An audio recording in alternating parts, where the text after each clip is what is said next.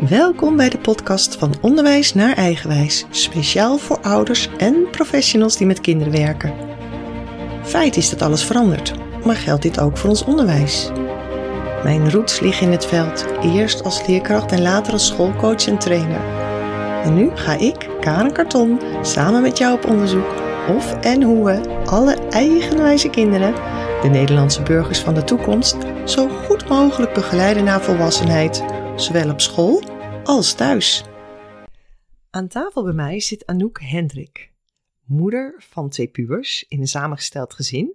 En samen met Marcel organiseren ze droomdagen voor gezinnen waar een van de ouders oncologisch of levensbedreigend ziek is. Ze maken dan onder andere waardevolle portretten als herinnering. Welkom Anouk. Dankjewel. Ja. Ik ga maar meteen met jou uh, de reis starten, want ik wil jou vragen. Uh, was jij vroeger een dromer, een denker, een voeler of een doener? Wat kun je je nog herinneren? Um, ik denk een mengelmoesje. Ik was vooral een dromer. Het zat nooit op opletten. Nee? Nee. Moest nog wel eens nablijven. Oh, echt? ja, ja, ja. Dan wist ik niet waar we gebleven waren met lezen. Dan moest ik nablijven. Best streng. En dan? Wat, en als je na moest blijven, wat moest je dan doen? Zitten. En ging je dan lezen met de leerkracht? Of? Nee, dan moest ik het stukje zelf lezen, ja. Zonder leerkracht. En deed je dat dan ook? Natuurlijk niet. ik heb ook wel eens zitten knippen onder de les en dan knipte ik in mijn vinger.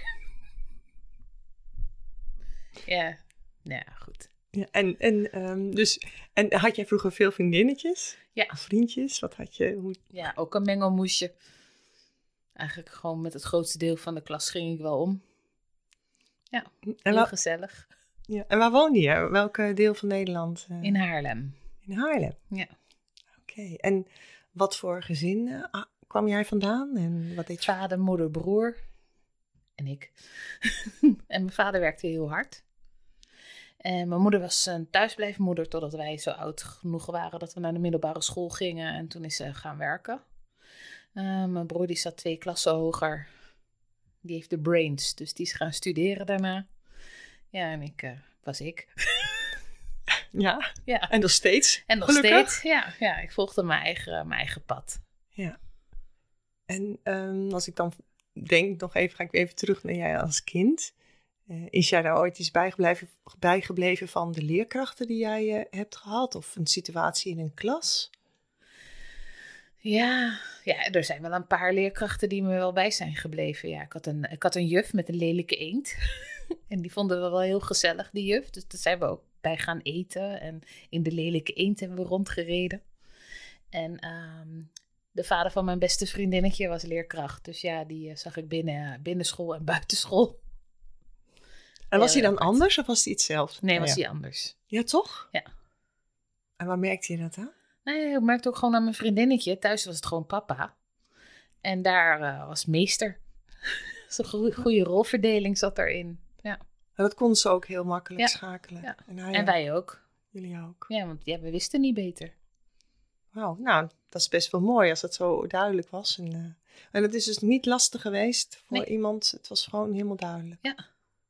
Mooi. Ja. En, en is er nog wel eens iemand bijgebleven die iets nou, speciaals voor jou heeft betekend? Eh, nou ja, dan die juf, juf Rijpma. Dan in de lelijke eend.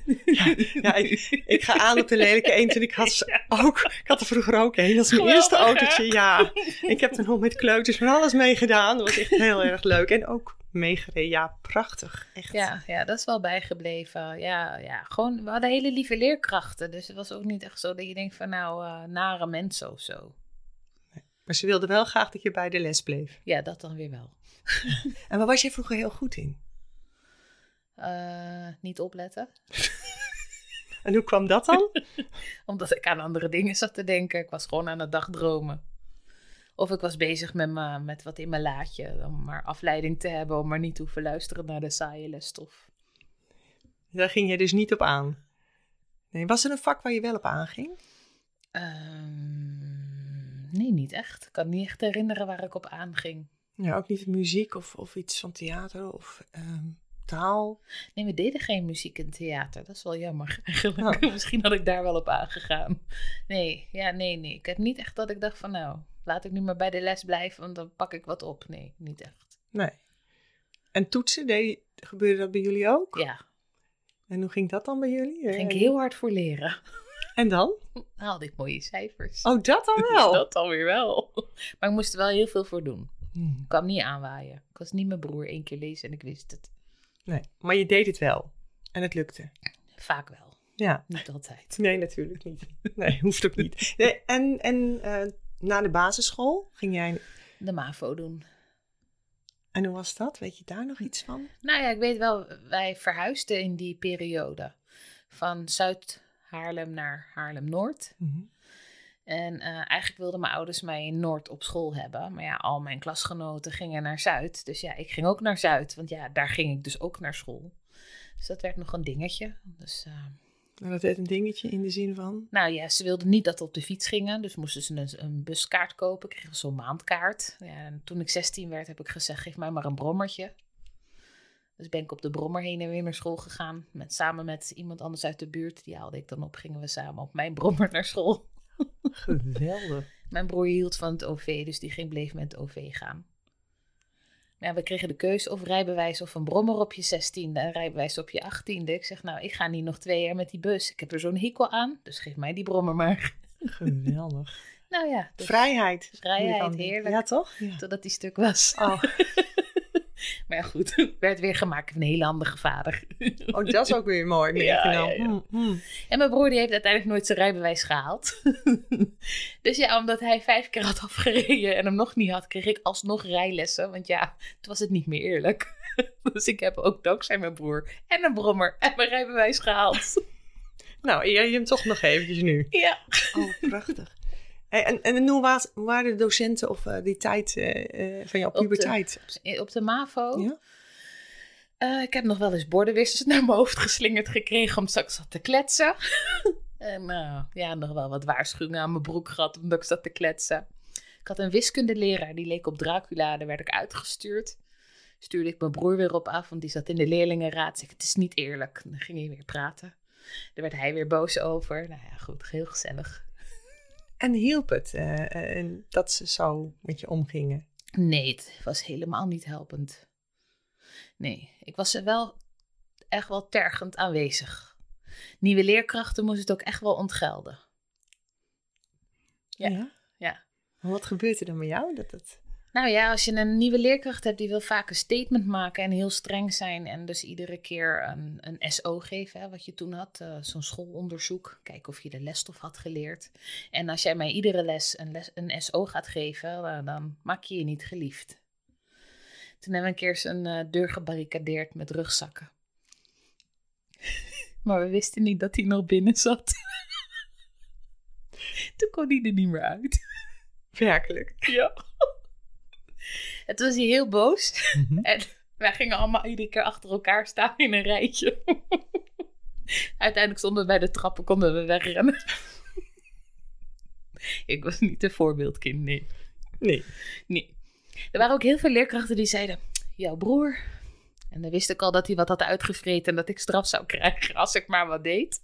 Er zijn ook leerkrachten die, dat, die die connectie nooit gemaakt hebben. En toen mijn broer een jaar eerder klaar was met school dan mij, hadden we nog wel leerkrachten die naar me toe kwamen. Als ik dat had geweten, ik zeg, had ik nog meer straf gekregen, zeker. Ja? Ze hadden niet de connectie gelegd. nee. Jullie lijken niet op elkaar? Nee. Wat een geluk. Ja, daar was ik wel heel blij om, ja. Maar er waren er een aantal die hadden die connectie wel gelegd. En dan kreeg ik nog eens, ja, je broer heb ik vandaag ook al gehad. Oeh. Mm, die was ook dus niet echt helemaal van eh, tussen de lijntjes. Nou, ja, ik weet niet wat hij allemaal deed. Maar hij had in ieder geval zijn mondje bij zich. Mm. En ik denk dat ze dat niet konden winnen. Mm. En ik haalde uit en hij, hij zei gewoon de dingen. Mm. Ik bedacht de dingen. Een soort boefje zit hier. en is dat altijd zo geweest? Ja, op de basisschool ook helemaal bij. Ja, sorry, ik vind het wel grappig. Ik zie wel dingen van mijn eigen kind nu terug. Ah, daar gaan we ook zo over hebben. Ja. Ja, ja. Nee, ja. Ik, ja ik, ik, was wel, ik kon wel heel lief zijn en meegaand. Maar er waren ook momenten dat ik dacht van nou... eh, Ik vind dit echt niet interessant. Ik eh, vind mijn buurvrouw gezelliger. En uitdagen, hè. we hadden een leerkracht Nederlands. We mochten niet eten en drinken in de klas. En hij zat altijd met thee. Altijd, iedere les. Toen mijn vriendin en ik bedacht, als jij met thee zit, mogen wij ook met thee zitten. nou, dat vond hij niet zo'n goed idee. Ik zei, ja, dan moet je zelf het goede voorbeeld geven. Jij thee, wij thee.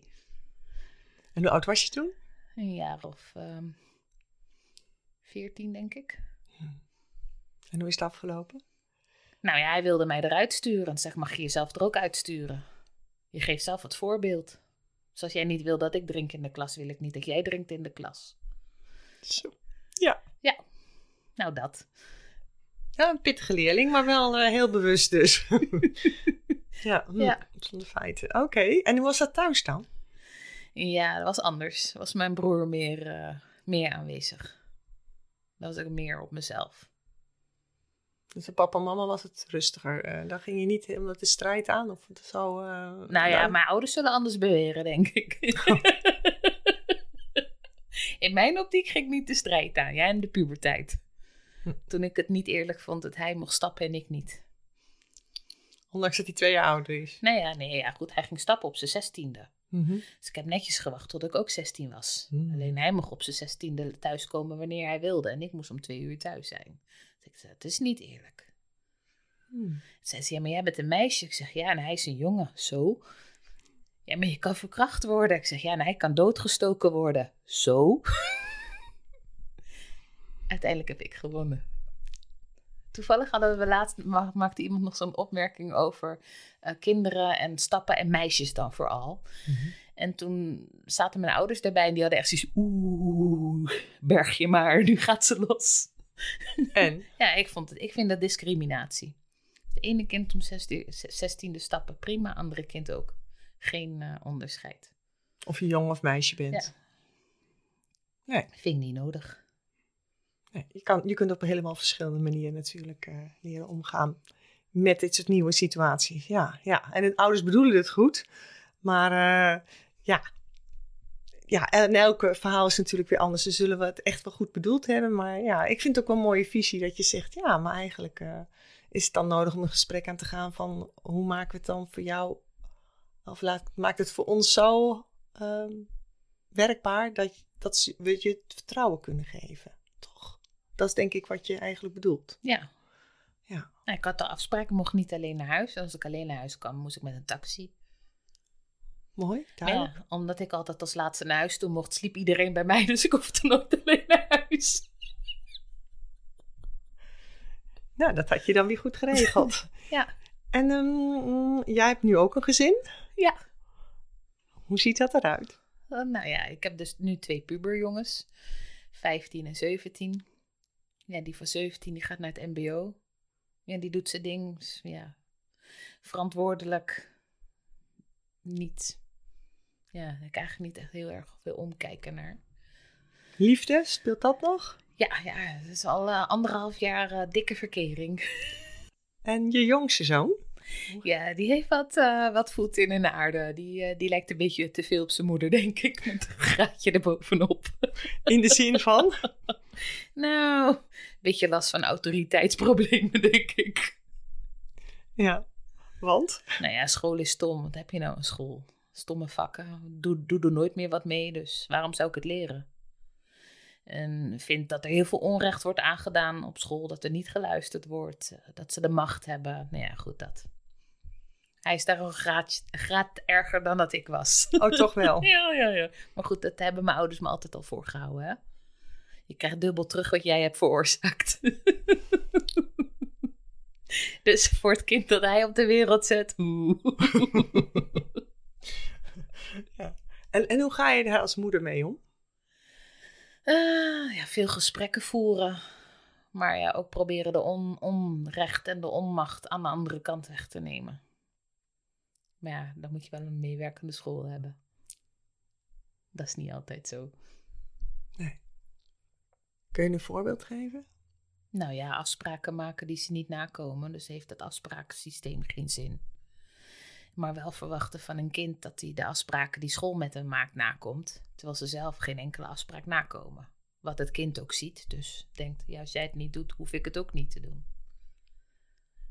En, en wat voor kind was het uh, op de basisschool of bij de kleuters? Uh, ja, een heel ander kind dan zijn broer kregen we altijd te horen. Het is, uh, hij is anders. Ik zeg, hij heet ook anders. Hij ziet er ook anders uit. Dus ik snap niet dat je hem vergelijkt met, want het is gewoon een heel ander persoontje.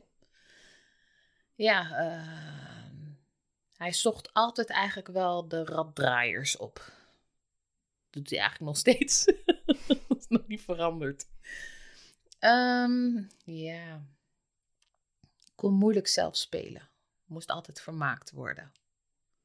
En hield van gewoon ja, het dwarsen van het dwarsen. Hij vindt school niet leuk. Hij vindt school echt niet leuk. Hij heeft ook eigenlijk nooit echt goed onderwijs gehad. Dus ja. Ja, dat kan. Ja, nou ja, goed. Hij, hij, hij, hij zoekt dus echt gewoon de randjes op. Uh, niet echt onderwijs gehad, kon zich daar ook niet voor concentreren. Uh, uiteindelijk uh, dacht ik, nou, misschien is er iets meer aan de hand. Mm -hmm. um, liep weg als het te moeilijk werd in de klas, weet je. Ik bedoel, te ingewikkeld. Oh, ik snap er helemaal niks meer van. En we gaan naar de wc en niet meer terugkomen. En ja, niet gezien worden dat je naar de wc bent al zo lange tijd. En dat je eigenlijk bij iedere les wel wegloopt. Wist jij dat? Toen, dat hij wegliep uiteindelijk mm -hmm. wel. Heb ik ook al gezegd van ja, maar dan vindt hij het lastig. Dus dan moet je hem even één op één pakken. Uh, maar ja, dat, daar hebben ze geen tijd voor. De klassen zijn te groot, te veel labeltjes. Ja. Uh, ja. Uiteindelijk heb ik wel door zelf gesprekken aan te vragen op school uh, een MDO's te laten plaatsnemen. Uh, daarachter gekomen dat we hem dus wel konden laten onderzoeken op iets, omdat zijn, hij kreeg een IQ-test. Mm -hmm. uh, want ik wilde hem naar speciaal onderwijs hebben, omdat ik dacht dat hij daar beter op zijn plek zat. Maar daar had een IQ-test voor nodig, want ja, ze gingen aan alle kanten er dwars voor liggen, terwijl ik al een plekje had geregeld. En uh, uit de IQ-test bleek een, een disharmonisch profiel. Oké. Okay. Zwaar disharmonisch profiel. Dus toen zei ik, nou ja, boven de 15 punten is er reden voor onderzoek. Hij heeft 32 punten. Oh. Ik zie wel een opening nu. Nou ja, dat is, heeft wat voet in de aarde gehad, maar uiteindelijk hebben we wel een onderzoek laten plaatsvinden. Ja, daar kwam licht, lichte autisme uit.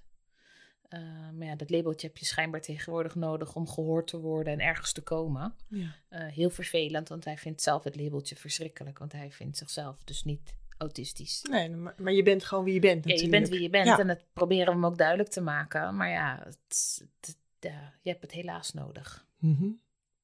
Nou ja, en uh, uiteindelijk daardoor is hij vastgelopen in groep 8 op de basisschool. Echt helemaal vastgelopen. Uh, dusdanig dat ik het niet meer veilig vond om hem naar school te doen. Heb ik hem thuis gehouden.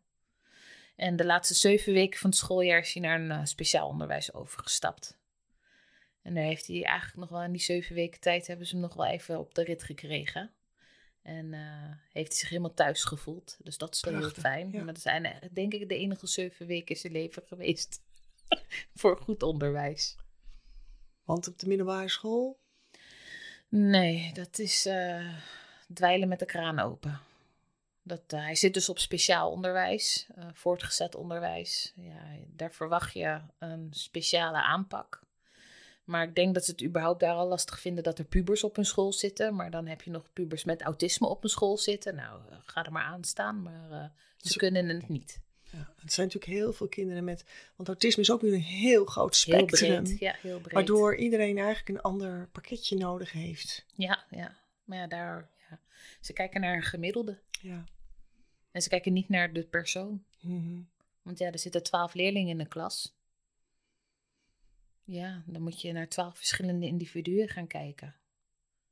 En dan denk ik, ja, dat doen ze op regulier onderwijs, doen ze dat met 24, 26, 28 leerlingen. Zitten ook echt wel leerlingen bij met rugzakjes. Dat klopt. En als die het doen en kunnen om een klas draaiende te houden, kan jij die twaalf ook nog wel aan. Maar ja, het is een. Het is een heel uh, complex dus. Heel complex, uh, veel gesprekken, veel frustratie. Ja, en als jij nou um, zou worden gebeld door uh, minister van Onderwijs en zou zeggen: Anouk, ik heb jou nodig, uh, ik wil jouw advies, ik mag iets veranderen. Oh, ja. liefst per morgen. Ja, Ehm, wat, bel zou, maar. wat zou jij dan willen dat, eh, dat ik regel? Dat er op individuele basis les gegeven gaat worden. Dat er niet in een stramien plaats moet vinden. Je moet vijf dagen in de week naar school. Eh, want niet iedere leerling trekt dat. Op regulier niet, maar ook op speciaal niet. Kijk, maak maatwerk meer. Eh, eh, maak daarin pakketten. Eh, sta af van, we moeten van A naar B, naar C, naar D. Nee, nu werkt A, morgen werkt C en overmorgen werkt Z. Maar pak gewoon op wat werkt. Kijk meer naar het moment. Ik bedoel, jij hebt ook wel eens een goede dag en je hebt ook wel eens een slechte dag. En hoe moet ik eh, dat dan voor me zien voor de docenten eh, die dan zo'n klas hebben, waarvan eh, er zoveel verschillende kinderen zijn, die dus allemaal individueel onderwijs moeten hebben? Nou ja, ik denk dat je meer een, een pakket klaar moet hebben staan op een laptop, want ze werken toch allemaal digitaal. En vandaag hebben we pakket A voor leerling A en pakket C voor leerling D. Ja, ik bedoel, eh, dat werkt vandaag voor jou, dan ga je dat vandaag doen, zodat iedereen wel de lesstof krijgt. Maar gewoon op een andere volgorde, op eigen niveau, op eigen, op, ja, waar op dat moment de behoefte is. Ze zitten veel te veel in de stramien. Ja, mijn droom is ook wel eh, ergens zo van, goh, hoe mooi zou het zijn als alle eh, methodes op verschillende manieren worden uitgelegd. Hè? Dat er één iemand is die het best wel monotoon doet voor de kinderen die gewoon heel gevoelig zijn voor geluid.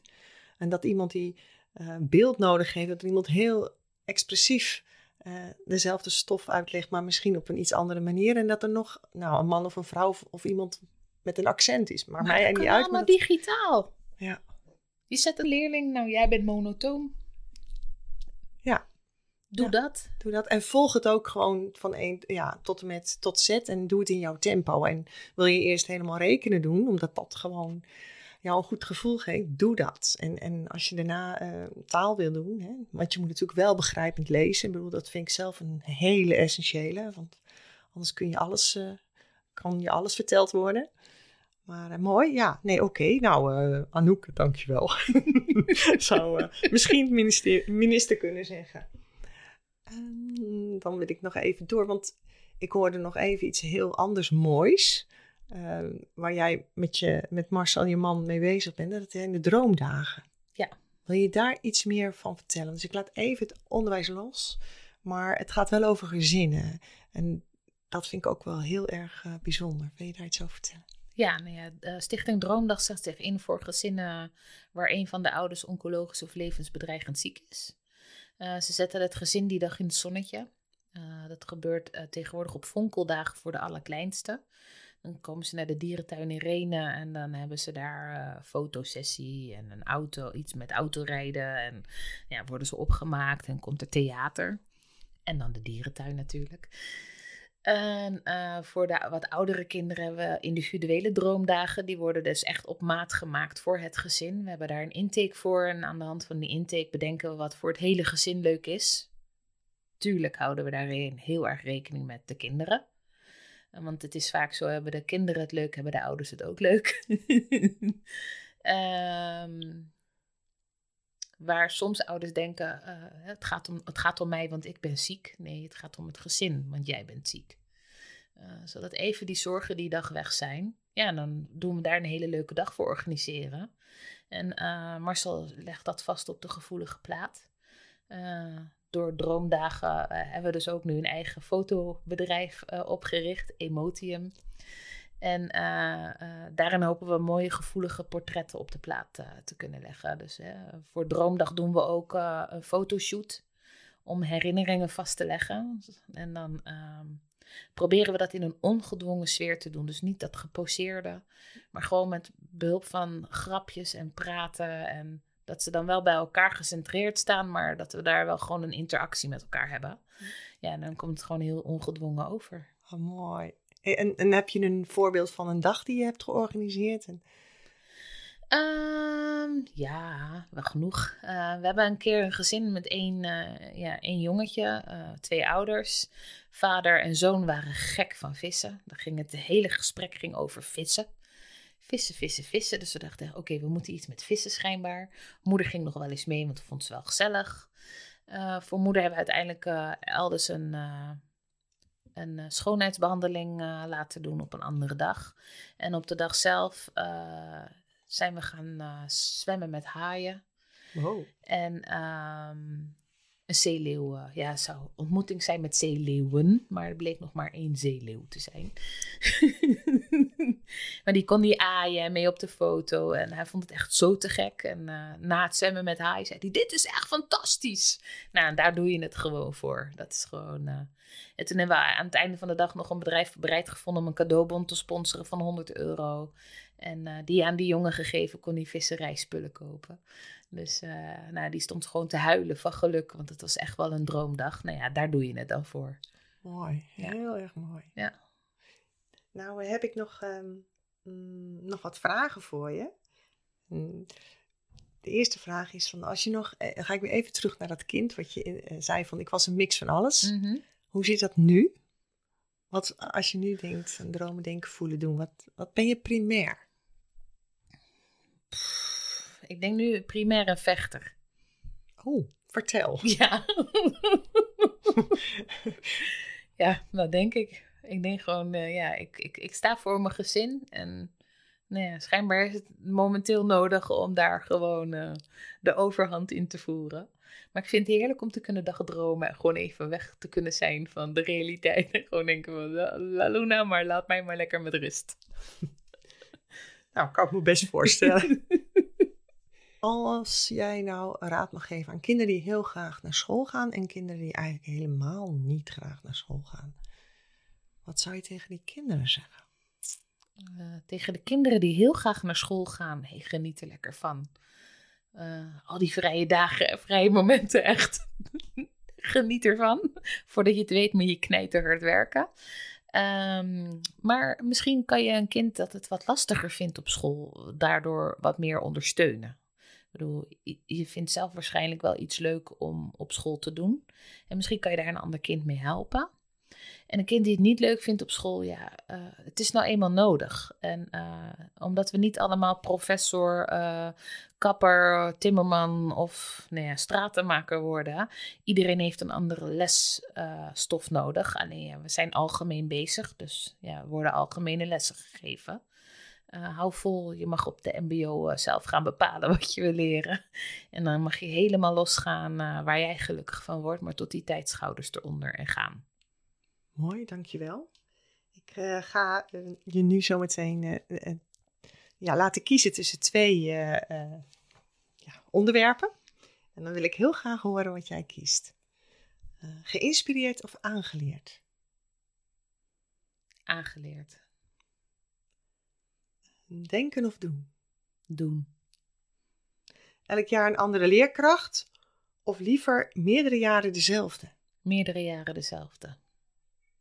Wiki de Viking of Pippi Langkous? Pippi Langkous. Kinderen directief benaderen of hen volgen? Hun volgen.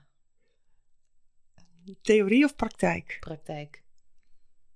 Dromen of voelen? Dromen. Lesuren als strippenkaart of het huidige schoolsysteem? Lesuren als strippenkaart. Nou, dat is wel duidelijk voor jou. Is er eentje die jij eh, wel nog wil even ondertitelen? Waarom je, dat, eh, eh, waarom je die keuze hebt gemaakt? Is er eentje die blijft hangen? Of... Nee, misschien heb jij een vraag voor mij. Nou, die Pippi. Vertel. Die Pippi. Ja. Ik heb het nog nooit gedaan, maar ik denk dat ik het wel kan. Ja, die zit er wel in bij jou. Ja, die zit er wel in bij mij. Ah, dit is wel heel, een hele, hele, hele mooie. Ja. En heb jij ehm, eh, misschien nog een boodschap of een tip? Of iets wat je nog wilt delen? Dat je zegt, nou weet je, dit vind ik best wel belangrijk als mensen luisteren naar van onderwijs naar eigenwijs. Dan denk ik daaraan, dan wil ik dat nog wel meegeven. Nou ja, aan de leerkrachten die luisteren, denk ik dan. Hoor het kind. Kijk naar het individu.